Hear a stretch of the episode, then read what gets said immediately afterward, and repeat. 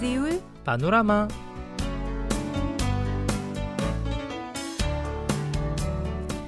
أيها الأصدقاء الأحباء السلام عليكم ورحمة الله وبركاته. أهلا وسهلا ومرحبا بكم معنا مستمعي الكرام في حلقة جديدة من برنامجكم اليومي سيول بانوراما كيف حالكم اليوم؟ نتمنى أن تكونوا بكل خير أينما كنتم.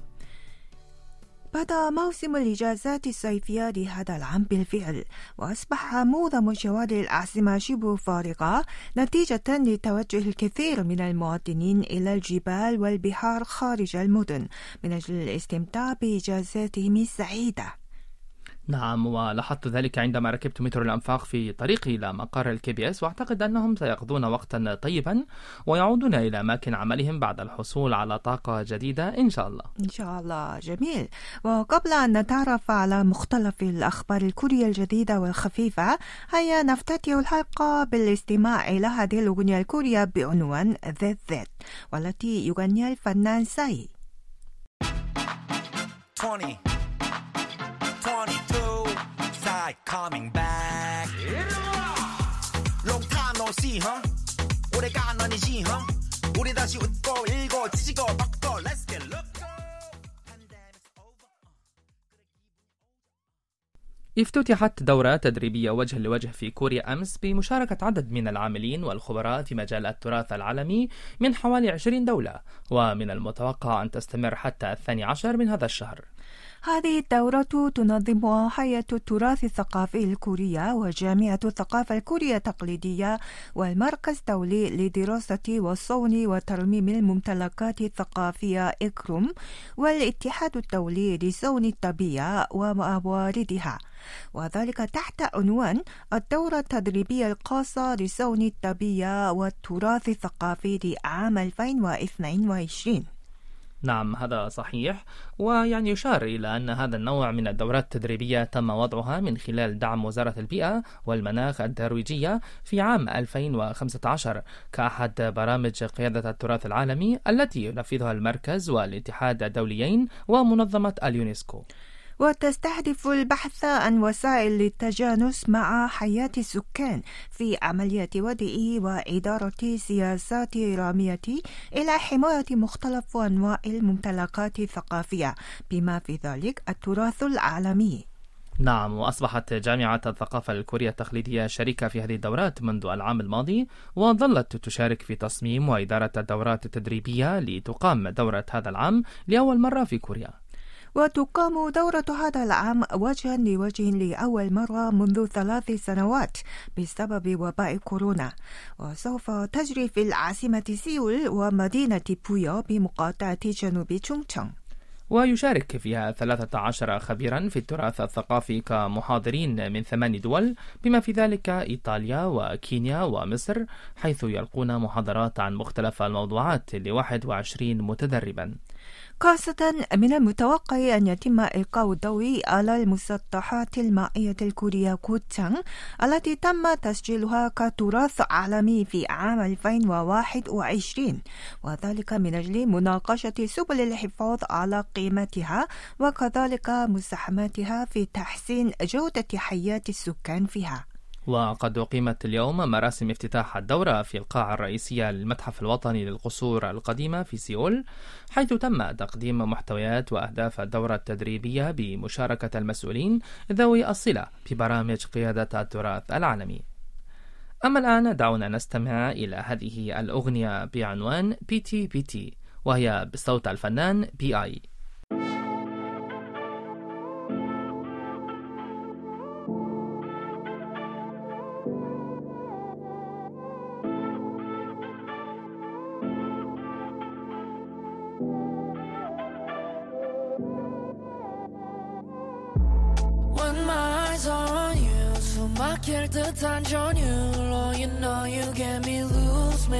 so bitter bitter. I dance for me for two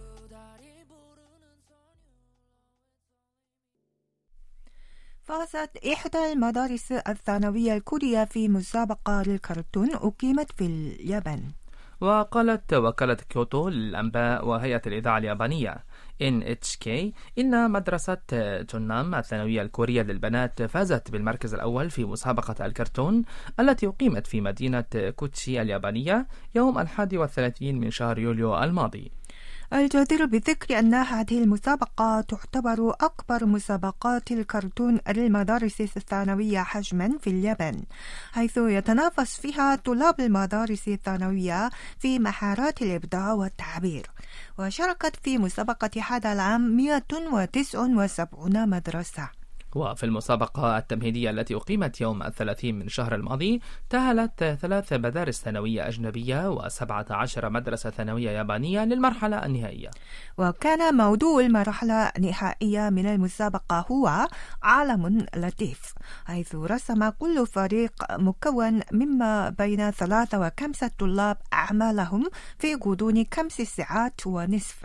وبدأ عمل الفريق الممثل لمدرسة جونام الكورية بمشهد يقترب فيه رجل مغطى بالوشم من الجزء العلوي من فتاة في مدرسة ثانوية ضلت طريقها وكانت الفتاة خائفة في البداية إلا أن وشم الرجل عبارة عن خريطة حيث ساعدها بها في البحث عن الطريق.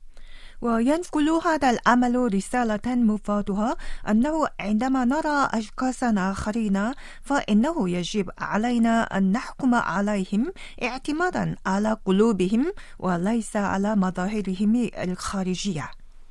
نعم وكانت مسابقة عام 2020 قد ألغيت بسبب كورونا ثم أقيمت مسابقة العام الماضي عبر الإنترنت. وأخيرا جاءت مسابقة هذا العام وجها لوجه لأول مرة منذ ثلاث سنوات. وفي مسابقة عام 2017 فازت مدرسة جهنم الثانوية الكورية للفنون بالمركز الأول لتصبح أول مدرسة ثانوية أجنبية في هذا المجال.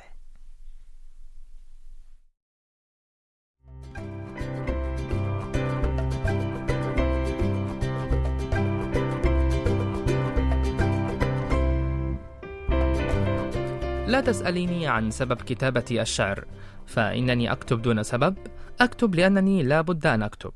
وما الذي أكتبه غير مهم وكتابة الشعر تعني إلقاء أقصر كلام في العالم سبب كتابة الشعر. هذا جزء من شعر كتبه الذكاء الاصطناعي وهو ما يشير إلى أنه دخل إلى مجال الفن الذي كنا نعتبره مجالا خاصا للإنسان. وقد صرحت شركة كاكاو برين للذكاء الاصطناعي أمس بأن كاتبة الشعر من الذكاء الاصطناعي شيا يعني ستصدر أول ديوان شعري لها بعنوان سبب كتابة الشعر يوم الثامن من هذا الشهر. وتود هذه هي المرات الأولى التي ينشر فيها الذكاء الاصطناعي ديوانا شعريا بشكل رسمي في كوريا.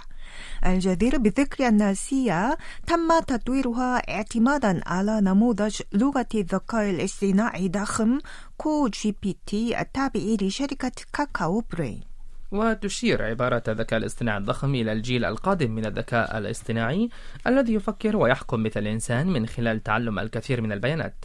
وإذا كان ألفاغو من شركة جوجل مخصص لممارسة لعبة الشطرنج الشرقي فإن الذكاء الاصطناعي الضخم يتم تطويره لئلا يقتصر على مجال معين فقط بل يستطيع تعلم مختلف المجالات مثله مثل الإنسان. وفي هذا السياق ظلت كاكاو برين تعلم سيا على حوالي 13 ألف قصيدة بالتعاون مع شركة سليت سكوب بحيث إذا أدخلت هذه الشركة كلمات رئيسية وكلمة أمر تفهم سيا سياق المعلومات المدخلة وتكتب شعرا فورا. وقد اختارت شركة 53 قصيدة في النهاية. نعم وموضوع هذا الديوان هو صفر وواحد وهما لغة الكمبيوتر وذلك من أجل التعبير عن العلاقات بين الوجود وعدم الوجود أو بين المعنى وعدم المعنى.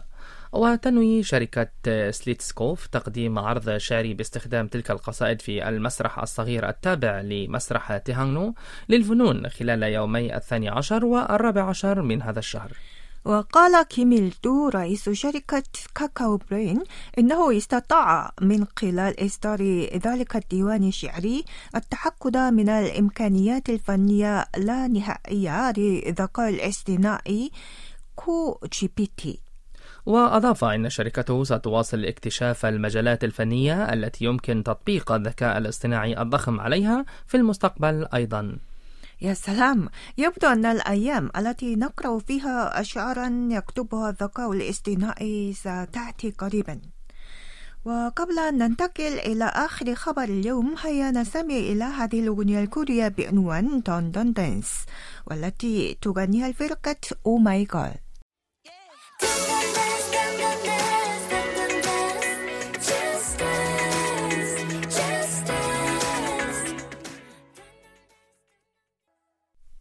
من المتوقع أن يتم قريبا في كوريا الجنوبية إنشاء طريق مثل كامينو دي سانتياغو.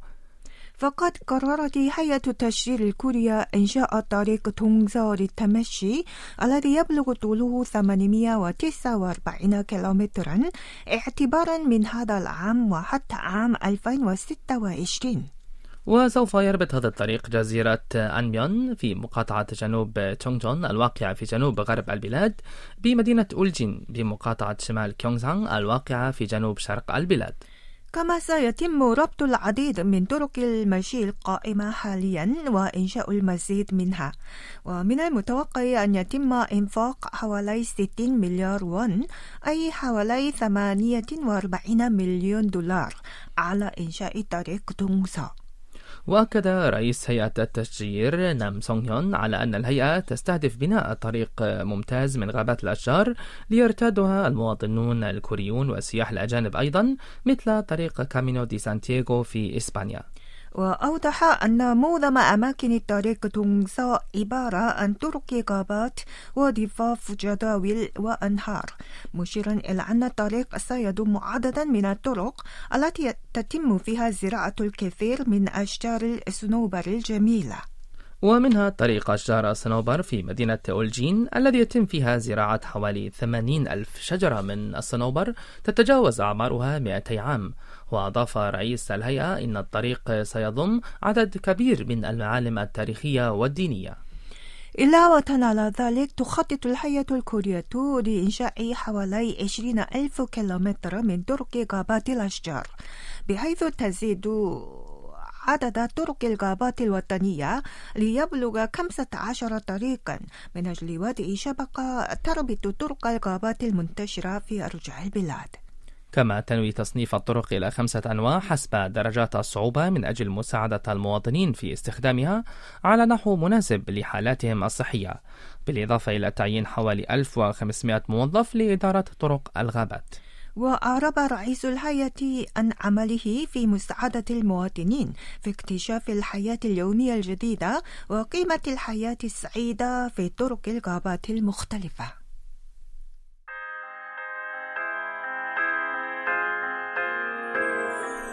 أيها الأصدقاء الأعزاء هكذا نكون قد وصلنا إلى نهاية حلقة اليوم ونودعكم مع هذه الأغنية بعنوان سارانغابا أي يبدو أنه الحب وهي بصوت فرقة ميلومانكس.